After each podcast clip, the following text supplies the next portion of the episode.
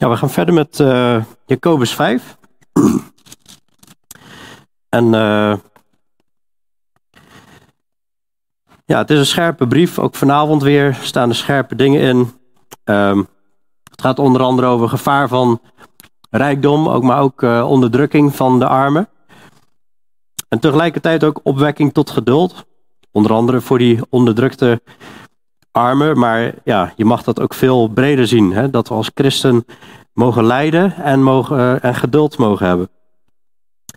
Dus ik lees in uh, Jacobus 5, vers 1 tot en met uh, 11. Misschien een beetje vreemde knip, maar vanaf vers 12 ja, lijkt hij gewoon wat losse verschillende punten te behandelen tot het einde.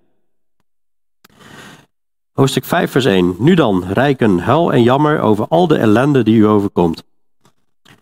Uw rijkdom is vergaan en uw kleren zijn door de motten aangevreten. Uw goud en zilver is verroest en hun roest zal een getuigenis tegen u zijn en uw vlees als een vuur verteren. U hebt schatten verzameld in de laatste dagen. Zie, het loon van de arbeiders die uw velden gemaaid hebben, dat door u achtergehouden is, schreeuwt tot God. En de jammerklachten van hen die geoogst hebben, zijn doorgedrongen tot de oren van de Heere van de hemelse legermachten. U bent u aan wilde te buiten gegaan op de aarde. U hebt uw eigen lusten gevolgd. U hebt uw hart gevoed als op de dag van de slacht. U hebt de rechtvaardige veroordeeld en gedood, en hij verzet zich niet tegen u. Wees daarom geduldig, broeders, tot de komst van de Heere. Zie, de landbouwer verwacht de kostbare vrucht van het land en heeft daarbij geduld, totdat het de vroege en late regen zal hebben ontvangen. U moet ook geduldig zijn en uw hart versterken, want de komst van de Heere is nabij. Zucht niet tegen elkaar, broeders, opdat u niet veroordeeld wordt. Zie, de rechter staat voor de deur.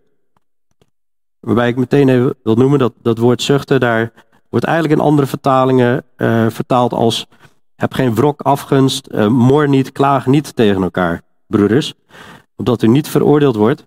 Zie, de rechter staat voor de deur. Mijn broeders, neem tot een voorbeeld van het lijden en van het geduld de profeten, die in de naam van de Heere gesproken hebben. Zie, wij prijzen hen gelukzalig die volharden. En u hebt gehoord van de volharding van Job. En u hebt de uitkomst van de Heere gezien, dat de Heere vol ontferming is en, en barmhartig. Nou, het begint heel apart, hè? nu dan rijken. Hè? We hebben het allemaal gehad over. Uh, ja, er was allemaal, allemaal, allemaal ruzie in de, in de kerk. Er was uh, verdeeldheid. Er was. Uh, um, nou, de rijken werden naar voren getrokken ten opzichte van de armen.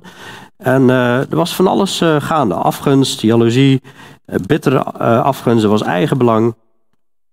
En er werd voor gewaarschuwd: van ja, kijk uit wat er in je hart zit. Waar Waar strijd je voor? Voor de Heer of voor dat wat in je hart zit? Je eigen belang bijvoorbeeld. En dan komt hij weer terug op die, uh, die rijken. En dan uh, zegt hij nu dan, rijken, huil en jammer over al de ellende die u overkomt. uw rijkdom is vergaan en uw kleren zijn door de mot aangevreten. Uw goud en zilver is verroest en hun roest zal als een getuigenis tegen u zijn en uw vlees als een vuur verteren. U hebt schatten verzameld in de laatste dagen. Nou, Het lijkt erop dat hij dus naar die rijken kijkt, maar de rijken al gewoon even meeneemt naar het eindstation en wat er eigenlijk allemaal gaat gebeuren op het einde. En uh, ja, op een dag, als die rijken ook nog uh, mensen onderdrukt hebben, want er, er, zijn eigenlijk twee aanklachten tegen de rijken. de ene staat in vers 4. Zie het loon van de arbeiders die uw velden gemaaid hebben, dat door u achtergehouden is, dat schreeuwt tot God. En de jammerklachten van hen die geoogst hebben, zijn doorgedrongen tot de oren van de heren van de hemelse legermachten. Ze hadden mensen onderdrukt. En in die tijd had je ook veel landvoogden die uh, vaak ook in de politiek zaten, veel macht hadden. En uh, nou, Jezus heeft ook zo'n gelijkenis waar je op een gegeven moment staan er mensen op de markt en, en dan ja, worden er eigenlijk dagloners gezocht. En die komen allemaal voor één dag werken. Vaak werd er niet met contracten gewerkt. Maar had je gewoon dagloners. En die uh, konden dan voor een dagje konden ze even komen werken. Maar ja, die werden dus ook wel eens niet uitbetaald. of op andere manieren gechanteerd of opgelicht. En dus dat is de eerste aanklacht. En de tweede aanklacht is, u bent u aan wilde te buiten gegaan op de aarde en hebt uw eigen lusten gevolgd. Dat is in vers 5. U hebt, u hebt uw hart gevoed als op de dag van de slacht. Dus gewoon buitensporig luxe geleefd en uh, ondertussen mensen onderdrukken. Ja, misschien denk je, ja, dat doe ik niet zo snel en, en, ik ben niet zo rijk, maar toch is het denk ik een waarschuwing voor elke vorm van rijkdom van, wat doen we ermee? Want het is op zich niet fout om rijk te zijn, maar wat doen wij ermee? Maar in ieder geval, als het gaat over de rijken, wil ik heel even naar uh, Openbaring 18, vers 10 tot 21. En er wordt eigenlijk, ja, het, alle wereldrijken met alle rijkdom wordt voorgesteld als Babylon. Babylon heeft twee kanten. De ene hè, in openbaring het religieuze systeem. En de andere kant is het de rijkdom. Maar goed, rijkdom kun je ook bijna zien als een religie. Hè. Je hebt de god van de mammon natuurlijk. De god mammon, de god van het geld. Maar in vers 10 dan zie je in openbaring 18 vers 10. Er staat, ze blijven van verre staan uit vrees voor haar pijniging. En zeggen, wee, wee, de grote stad Babylon, de sterke stad. Want in één uur is uw oordeel gekomen. En de kooplieden van de aarde zullen over haar huilen en treuren, omdat niemand hun waren meer koopt. En dat huilen en treuren zie je dus ook in Jacobus 5, vers 1. Nu dan rijken, hel en jammer over al de ellende die u overkomt. Terug naar openbaring 18, vers 12. Niemand koopt een uh, ware meer en dan koopwaar van goud, zilver, edelgesteente, parels, fijn linnen, purper, zijde, scharlaken, allerlei geurig hout, allerlei ivoren voorwerpen, allerlei voorwerpen van zeer kostbaar hout, koper, ijzer en marmer. Kaneel, reukwerk, mirre, wierook, wijn, olie, meelbloem, tarwe, lasdieren en schapen, paarden en wagens. Nou ja, tegenwoordig de Audi's en de Mercedes en zo. En lichamen en zielen van mensen. En de rijpe vrucht waarnaar uw ziel verlangde is van u geweken. Al wat glansrijk en sierlijk was, is van, u, is van u weggegaan. En u zult dat beslist niet meer terugvinden. De kooplieden van deze waren, die u door haar rijk zijn geworden, zullen huilend en treurend op grote afstand blijven staan uit vrees voor haar pijniging. En zeggen, wee, wee, de grote stad, die bekleed was met fijn linnen, purper en scharlaken, en getooid met goud, edelgesteente en parels. Want in één uur is die grote rijkdom verwoest. En elke stuurman al het volk op de schepen, zeelieden en allen die op zee hun werk doen, bleven van verre staan. En ze riepen, toen zij de rook van de verbranding zagen, welke stad was aan deze grote stad gelijk? En ze wierpen stof op hun hoofd en riepen huilend en treurend, wee, wee, de grote stad, waarin allen die schepen op zee hadden rijk zijn geworden door haar wilde, want in één uur is zij verwoest. Verblijd u over haar, hemel, heilige apostelen en profeten, want God heeft uw vonnis aan haar voltrokken. Dat is even een blik naar het, naar het einde van ja, hoe het gaat eindigen met alle rijkdom, met alle bedrijven, met alle rijken. En uh, ja, vooral degene die gewoon echt uit gierigheid alles uh, bereikt hebben. En uh, ja, dat is dus een, een ernstige waarschuwing. En vooral ook in, in vers 6, terug naar Jacobus 5, vers 6. U hebt de rechtvaardige veroordeeld en gedood. En hij verzet zich niet tegen u. Dus er zijn flinke waarschuwingen. Maar goed, de rijkdom op aarde komt ten einde. Dat is wat we zien. We zien in 1 Timotheüs 6, vers 9 dat rijkdom is een valstrik. Er staat, wie rijk willen worden, vallen in verzoeking en in een strik en in veel dwaze en schadelijke begeerten. Het gaat eigenlijk zelfs een stap verder. Hè, dat wie rijk willen worden. Hè, het gaat altijd om eerst begeren in je hart. Hè, en daar, daar, daar ligt de zonde al. Wie rijk willen worden, vallen in verzoeking en in een strik en in veel dwaze en schadelijke begeerten. Die de mensen doen wegzinken in verderf en ondergang. Want geldzucht is een wortel van alle kwaad. Door daarnaar te verlangen zijn sommigen afgedwaald van het geloof en hebben zich met vele smarten doorstoken. Nou, dat, dat, klinkt niet goed. Maar goed, we hebben ook allemaal wel een beetje een voorstelling over wat rijkdom kan doen. Dat zijn de, de doornen en de distels die het woord van God kunnen verstikken. Rijkdom leidt ook heel snel tot hoogmoed. In 1 Timotheüs 6, vers 17 wordt aan de rijken bevolen. Er zijn dus wel rijken in de kerken. Er wordt niet gezegd, je mag niet rijk zijn. Nee, beveel de rijken in deze tegenwoordige wereld dat zij niet hoogmoedig zijn. En hun hoop niet gevestigd houden op de onzekerheid van de rijkdom. Maar op de levende God, die ons alle dingen in rijke mate verschaft om ervan te genieten. Ook om goed te doen, rijk te zijn in goede werken, vrijgevig te zijn en bereid om samen te delen. Zo verzamelen zij voor zichzelf een schat, een goed fundament voor de toekomst, opdat zij het eeuwige leven verkrijgen.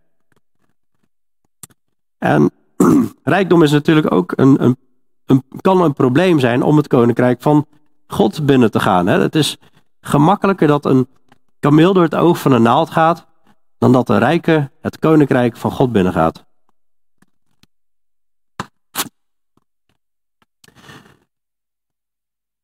Nou, daarna vragen ze Jezus, ja, maar kan iemand dan nog wel zalig worden? En uh, ja, Jezus zegt, ja, bij de mens lijkt dat misschien onmogelijk, zo ongeveer. Maar bij God zijn alle dingen mogelijk. En, maar ook, je kunt in de kerk zitten en, en van rijkdom genieten. En feitelijk zijn we in Nederland allemaal een soort van rijk. We hebben het gewoon allemaal wel goed. We zijn misschien niet van die allemaal een bedrijfseigenaar of uh, dat we tonnen uh, per jaar binnenkrijgen. Maar alle luxe die wij hier allemaal hebben, het is, het is een gevaar om het, het kan een, uh, ons weerhouden om het koninkrijk van God binnen te gaan. En rijkdom wordt ook afgoderij genoemd. In ieder geval als je hart daar naar uitgaat. Dat maakt Jezus duidelijk in Matthäus 6, wanneer hij het heeft over we moeten schatten verzamelen in de hemel en niet op de aarde. En niemand kan twee heren dienen, want of hij zal de een haten en de ander liefhebben. Of hij zal zich aan de ene hechten en de ander minachten. U kunt niet God dienen en de mammon. De mammon is dan de God van het geld. En het is uiteindelijk ook heel duidelijk, Satan die Jezus rijkdom aanbiedt op voorwaarde dat Jezus voor Satan knielt en hem aanbidt. Kijk eens naar alle rijkdommen, kijk eens naar alle koninkrijken van de aarde. Als je voor mij knielt, zei Satan, dan krijg je dat. Dus Satan biedt zelfs Jezus rijkdom aan.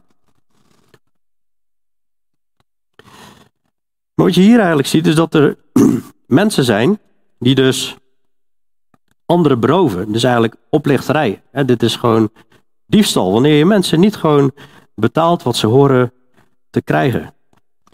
Er is loon achtergehouden in vers 4. Het loon van de arbeiders die uw velden gemaaid hebben. Dat door u achtergehouden is, dat schreeuwt tot God. En de jammerklachten van hen die geoogst hebben, zijn doorgedrongen tot de oren van de heren van de hemelse legermachten.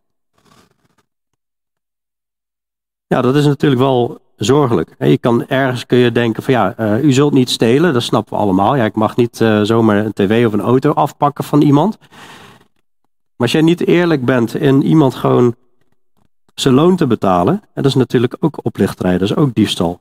En dat hoort God. Maar ik dacht er verder ook nog aan als we kijken naar alle punten van rijkdom.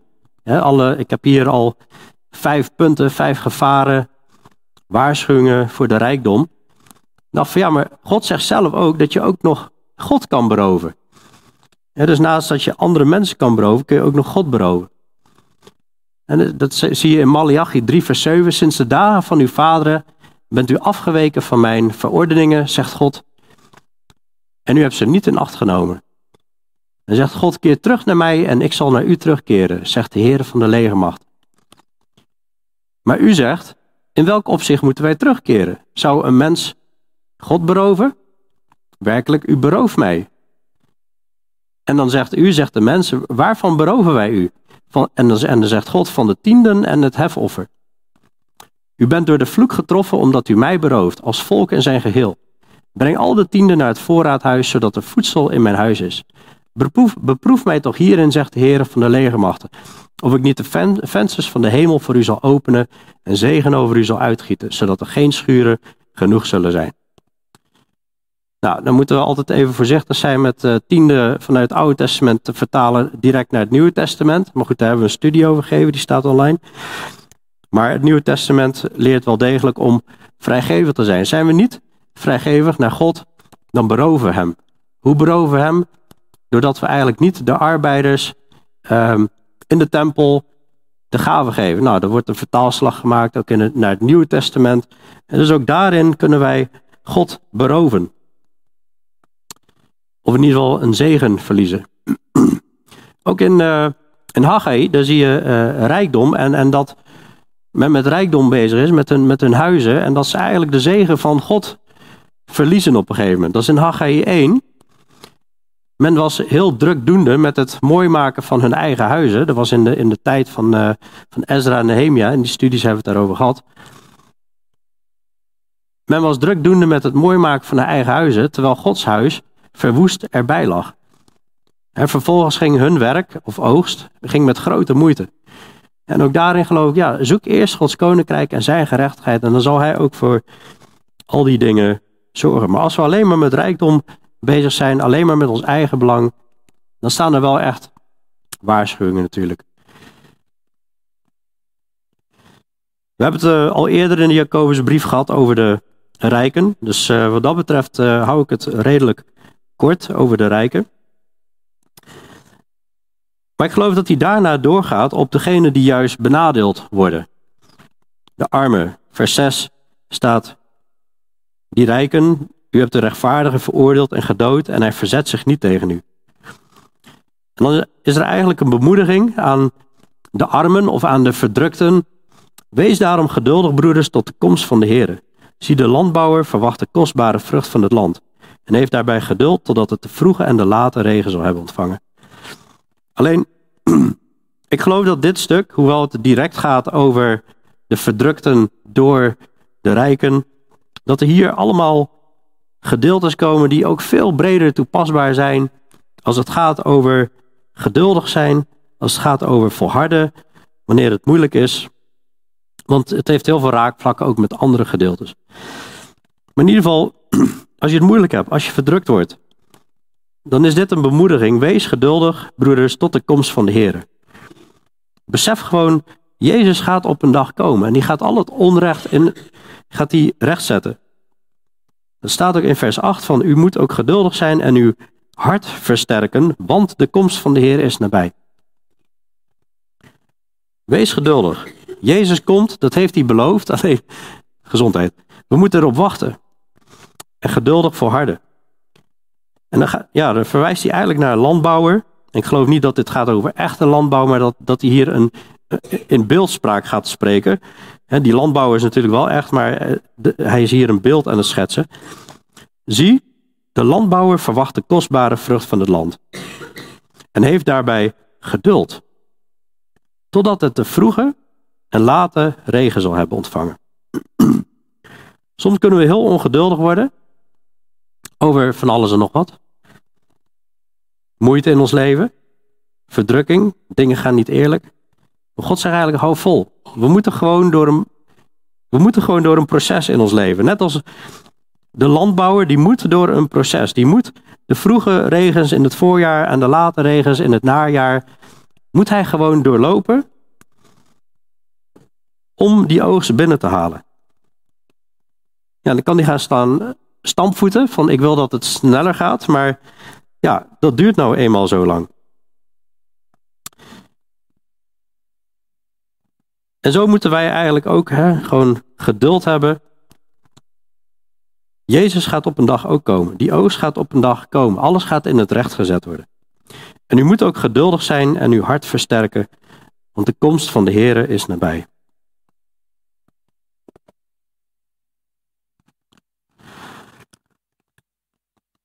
Nou, hoe kun je nu je hart versterken?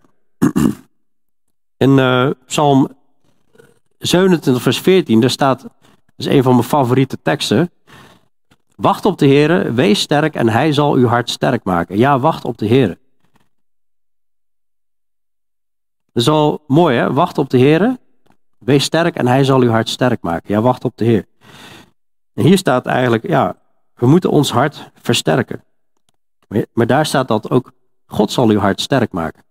En ik geloof dat we dat doen door gewoon al de onderlinge bijeenkomsten te bezoeken, maar ook dagelijks in gebed te zijn en God te zoeken.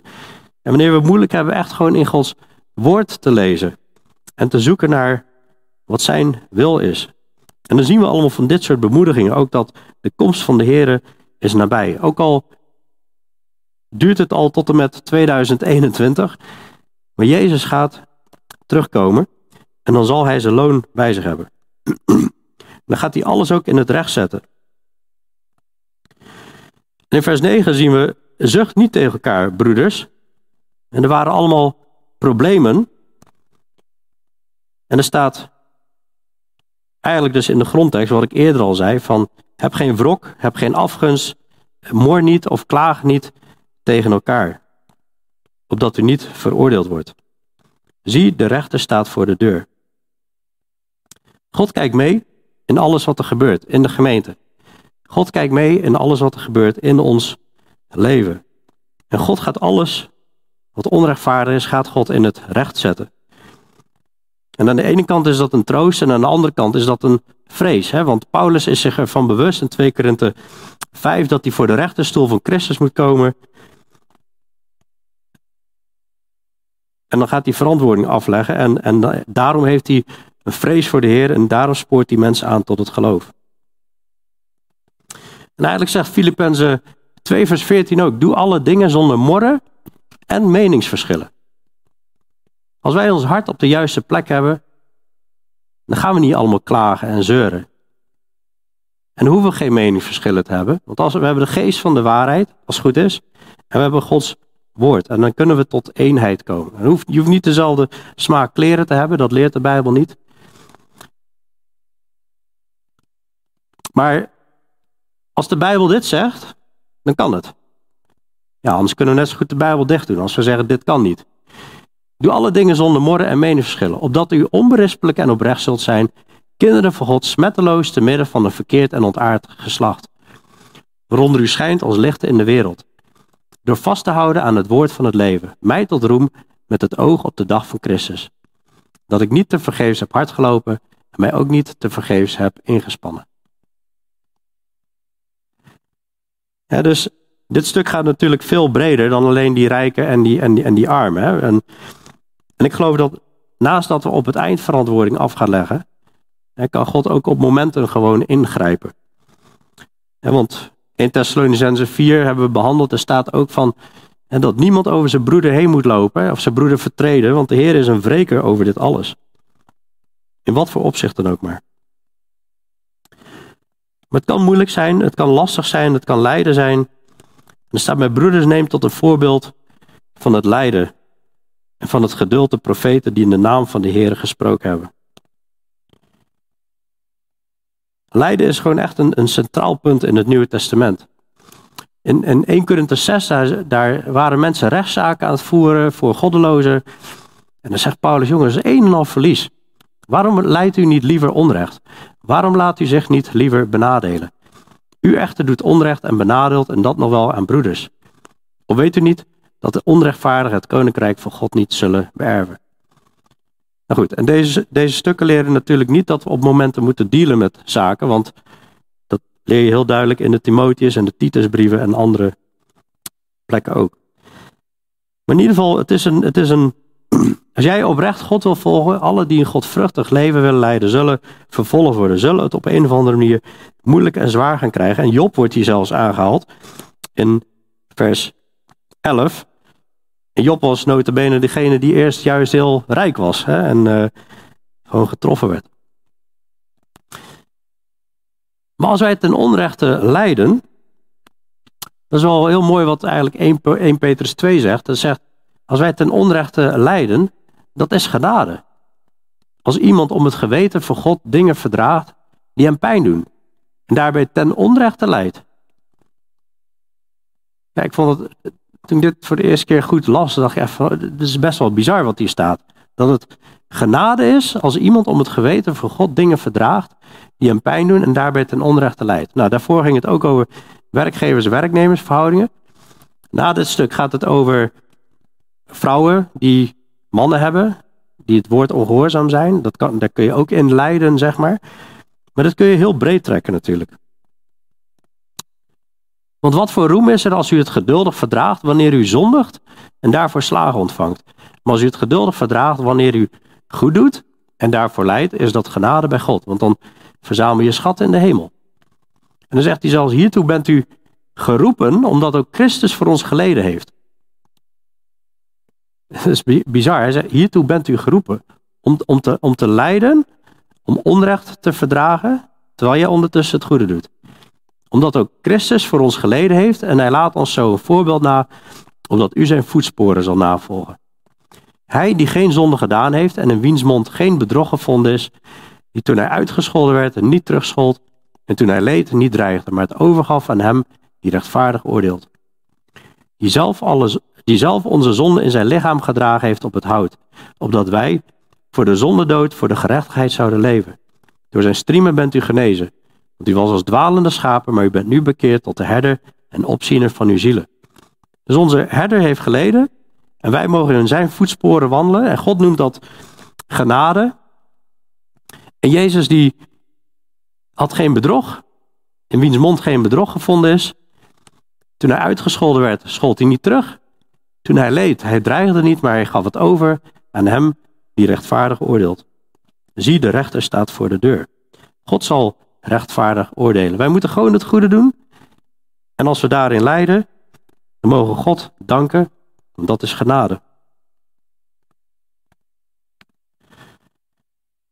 Het is ook mooi in uh, we moeten naar de profeten kijken. En dan zegt hij in vers 10, mijn broeders nemen voorbeeld van het lijden en van het geduld, de profeten, die de naam van de Heer gesproken hebben. En dan zie je in, in Hebreeën 11 zie je dat ook terug. Hè? Die, is hele groep van getuigen, allemaal mensen die door het geloof gewandeld hebben. Maar goed, er staan succesverhalen bij, zoals, uh, wat zal ik nog meer zeggen? Want de tijd ontbreekt mij om te vertellen. Hij heeft allemaal andere voorbeelden aangehaald daarvoor tijd ontbreekt mij om te vertellen over Gideon, Barak, Barak Simpson, Jefta, David en Samuel en de profeten. Zij hebben door het geloof koninkrijken overwonnen, gerechtigheid in praktijk gebracht, beloften verkregen, muilen van leeuwen gesloten. Zij hebben de kracht van het vuur geblust en zij zijn aan de scherpte van het zwaard ontkomen. Zij hebben in zwakheid kracht ontvangen en zij zijn machtig geworden in de oorlog. Legers van vreemden hebben zij op de vlucht gejaagd. Vrouwen hebben hun doden teruggekregen door opstanding uit de doden.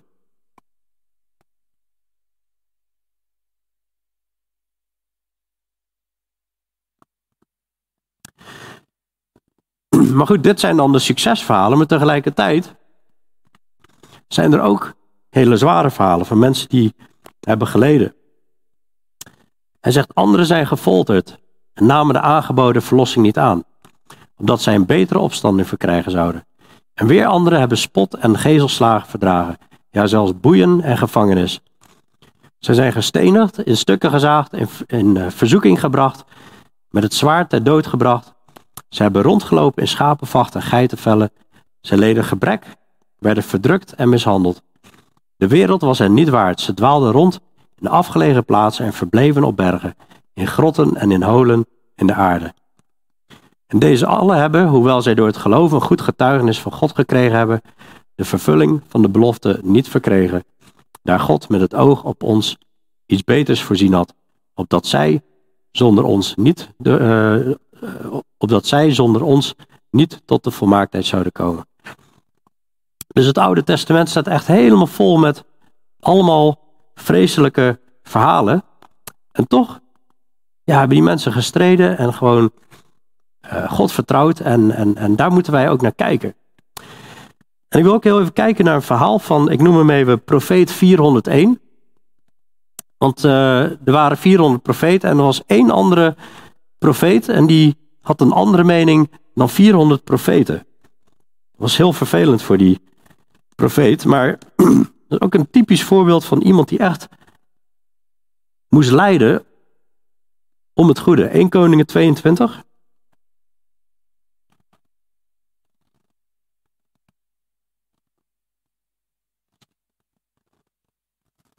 In uh, 1 Koning 22, vers 10 eh, tot 28, daar lezen we een verhaal.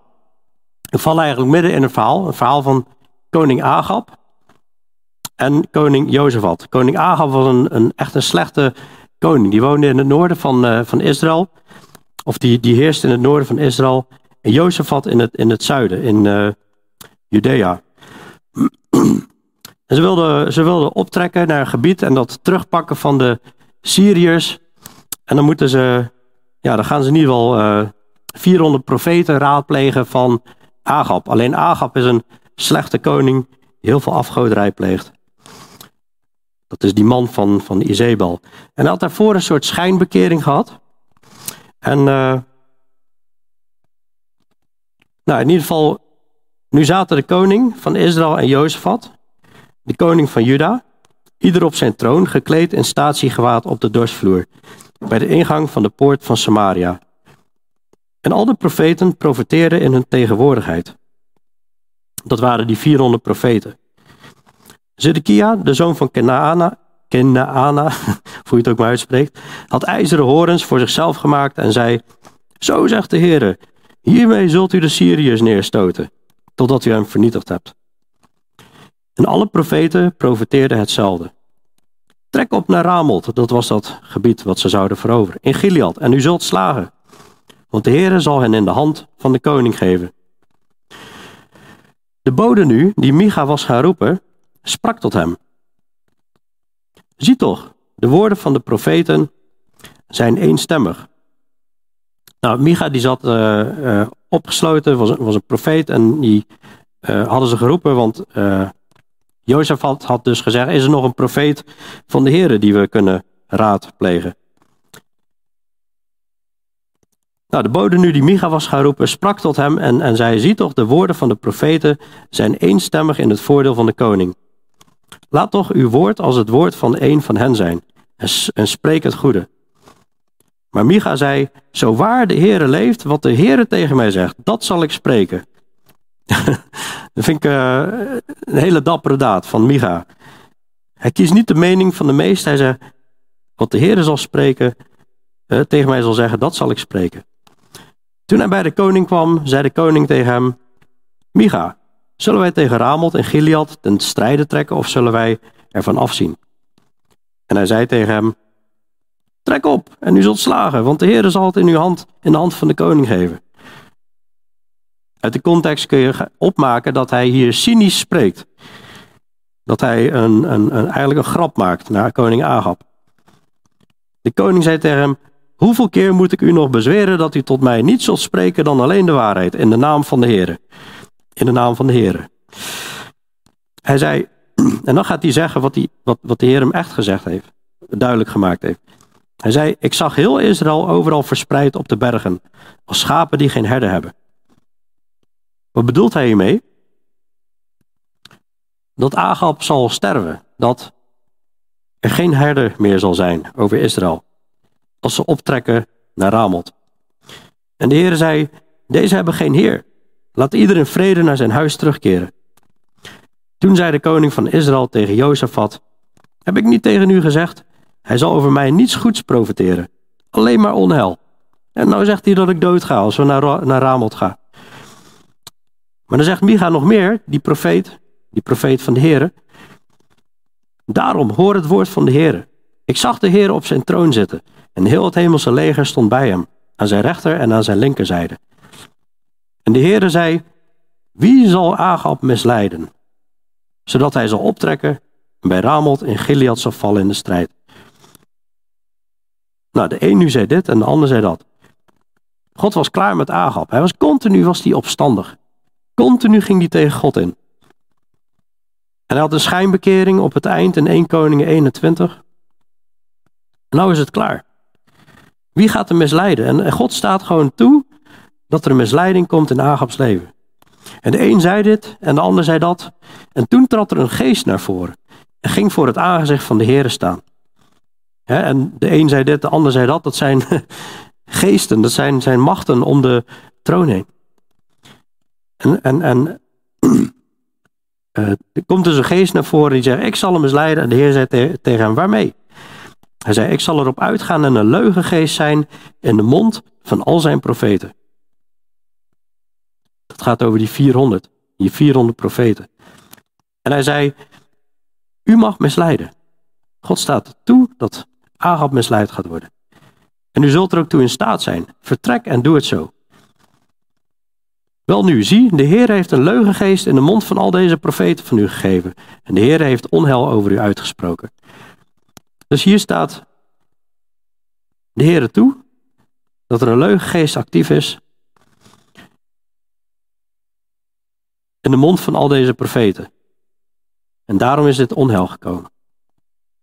Maar dan komt dus een van die leiders van die profeten, Zedekia. Toen kwam Zedekia, de zoon van Kenaana, die kwam naar voren. En die sloeg Micha op zijn kaak. Vol in het gezicht, een treffer. En zei, langs welke weg is de geest van de Heer van mij weggegaan om tot u te spreken? Want als, als er een leugengeest rondgaat, zegt hij eigenlijk dat hij niet volgens de geest van de Heer spreekt. En dat hij is weggegaan. Langs welke weg is de geest van de Heer van mij weggegaan om tot u te spreken? En Micha zei, zie, u zult het zien op de dag waarop u van kamer naar kamer gaat om u te verbergen. Wanneer mensen allemaal op de vlucht zijn, die profeten, om zich te verbergen. Daarop zei de koning van Israël, hè, omdat ze verkeerd geprofiteerd hebben. Daarop zei de koning van Israël, neem Micha mee en breng hem naar Amon, de leider van de stad, en naar Joas, de zoon van de koning. En u moet zeggen, dit zegt de koning, zet deze man in de gevangenis en laat hem brood van verdrukking eten en water van verdrukking drinken. Totdat ik in vrede terugkom. Ik weet niet wat dat is, brood van verdrukking, maar het klinkt niet als heel lekker en ook niet als een hele... Het klinkt niet als een drie gangen menu, maar waarschijnlijk weinig eten en ook nog heel ranzig. Totdat ik in vrede terugkom. Maar Micha zei, als u echt in vrede terugkeert, heeft de Heere niet door mij gesproken. En verder zei hij, luister volken, allemaal. En Micha spreekt in de naam van de Heere. Micha spreekt het woord van God tegen 400 andere profeten in. En hij wordt verdrukt. Dat is eigenlijk helemaal niet zo'n heel bekend verhaal dit. Maar ik vond het zo'n sterk verhaal. Van één man. En die is niet bang om de gevangenis ingegooid te worden. Die is niet bang om een kaakslag te krijgen. En hij zegt, luister volk allemaal. En ze gaan die strijd toch voeren. Ze gaan toch, ze luisteren niet naar Micha. En Agab wordt daar gedood. Dat is de opdracht in vers 10. Mijn broeders, terug naar Jacobus 5 vers 10, sorry. Mijn broeders, neem tot een voorbeeld van het lijden en van het geduld de profeten, die in de naam van de Heer gesproken hebben. Kijk eens wat een geduld zij hebben gehad. Kijk eens wat een onrecht ze hebben verdragen. Op die manier moeten wij ook onrecht verdragen. Gewoon dat doen wat goed is, dat wat God vraagt. En hij zal ons belonen. En dan haalt hij natuurlijk het voorbeeld aan van Job, zie, wij prijzen hen gelukzalig die volharden. De mensen die volharden, die prijzen we gelukzalig. En u hebt gehoord van de volharding van Job. En u hebt de uitkomst van de Heere gezien. Dat de Heere vol ontferming is en barmhartig. Het is niet dat God ons alleen maar gaat blijven kleineren wanneer we hem volgen. We zullen het moeilijk krijgen, om, zodat God leert dat we ook echt op hem vertrouwen. En dat vertrouwen is ook dat we wachten op de komst van de Heer. Dat we wachten op die dag tot al, dat alles weer in het recht gezet wordt. En Job die heeft een deel daarvan al op, op aarde mogen zien. Hij moest zijn kinderen verliezen, hij moest zijn bezit verliezen, hij had zweren die verschrikkelijk pijn deden, die hij met potscherven moest uh, krabben. Maar op het eind gaf God, ja, zegen hem God hem nog meer. De Heer is vol ontferming en hij is barmhartig. En dus ja, een van de meest extreme vormen van lijden wat we zien in de Bijbel bij Job. Maar uiteindelijk ja, hebben we nog iemand die ook zwaar geleden heeft. Dat is Jezus. Daar wil ik zo naar kijken. Maar misschien denk je soms wel eens, oh man, ik heb het zwaar, ik heb het moeilijk. Ik, wil ik God nog wel volgen? En dan vind ik dit altijd nog zo'n zo mooi voorbeeld van Jeremia 20. Jeremia was ook een profeet. En uh, die wist eigenlijk dat er niemand tot bekering zou komen op basis van zijn prediking. En toch ging hij prediken. En die krijgt op een gegeven moment heel zwaar. En hij, hij zegt op een gegeven moment, ik zal niet aan hem denken. Ik zal niet meer spreken in zijn naam. En dan werd het in mijn hart als een brandend vuur opgesloten in mijn beenderen. Wel deed ik moeite om het in te houden, maar ik kon het niet.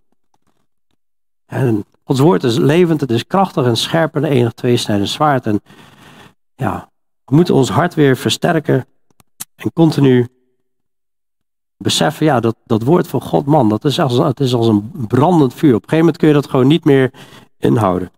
Maar kijk naar Job, kijk naar de profeten. Maar ik denk uiteindelijk roept de Bijbel ook op, kijk ook vooral naar Jezus. Job is misschien de meest extreme vorm van lijden. Als wij puur kijken naar iemand die 100% mens is. Maar we kijken naar Jezus, die 100% mens was en 100% God en zijn heerlijkheid moest afleggen. Na die hele lijst met helden in, in Hebreeën 11 wordt gezegd, wel nu dan, laten ook wij, nu wij door zo'n menigte van getuigen omringd worden. Wat is die menigte van getuigen? Dat zijn al die mensen uit het Oude Testament die allemaal geleden hebben, die het allemaal zwaar hebben gehad. En die kun je voorstellen als een soort grote arena. Die zitten er eigenlijk allemaal op de tribune. Die hebben allemaal de strijd al gestreden en die kijken zo eigenlijk naar ons. We worden omringd door een hele menigte, een wolk van getuigen. En laten wij nu dan ook zo afleggen alle last en de zonde. Alle moeite en de zonde die ons zo gemakkelijk verstrikt. Wat kunnen mensen zich richten op last? Wat kunnen mensen zich richten op zonde? En dan verstrikt het alles.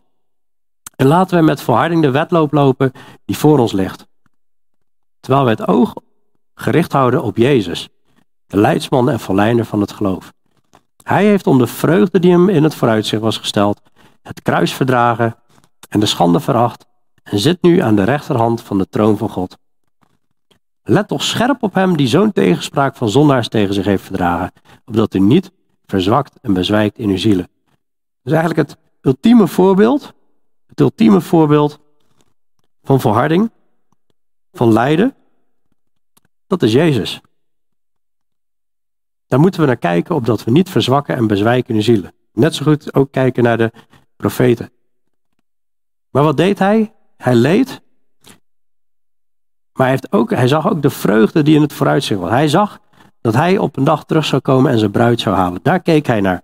Naar dat vooruitzicht. Ja, u moet ook, vers 8 zegt, u moet ook geduldig zijn en uw hart versterken, want de komst van de Heer is nabij. En Jezus keek met vreugde uit naar dat moment. En wij mogen ook met vreugde uitkijken. Als we dat niet doen, man, dan, dan zou ik het ook niet volhouden. En zo heeft hij het kruis gedragen, verdragen en de schande veracht. En zo mogen wij ook allemaal ons kruis dragen. En onrecht verdragen. En lijden omwille van Jezus. Dat, dat wordt beloofd. Dat we zullen lijden als we Jezus zullen volgen.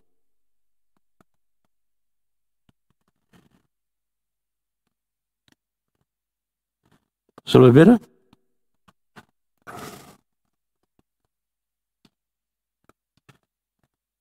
Hemels Vader, Jezus, dank u wel voor deze ja, les. Het is gewoon eigenlijk niet een ingewikkeld verhaal. Het is gewoon echt opletten voor gevaren van rijkdom.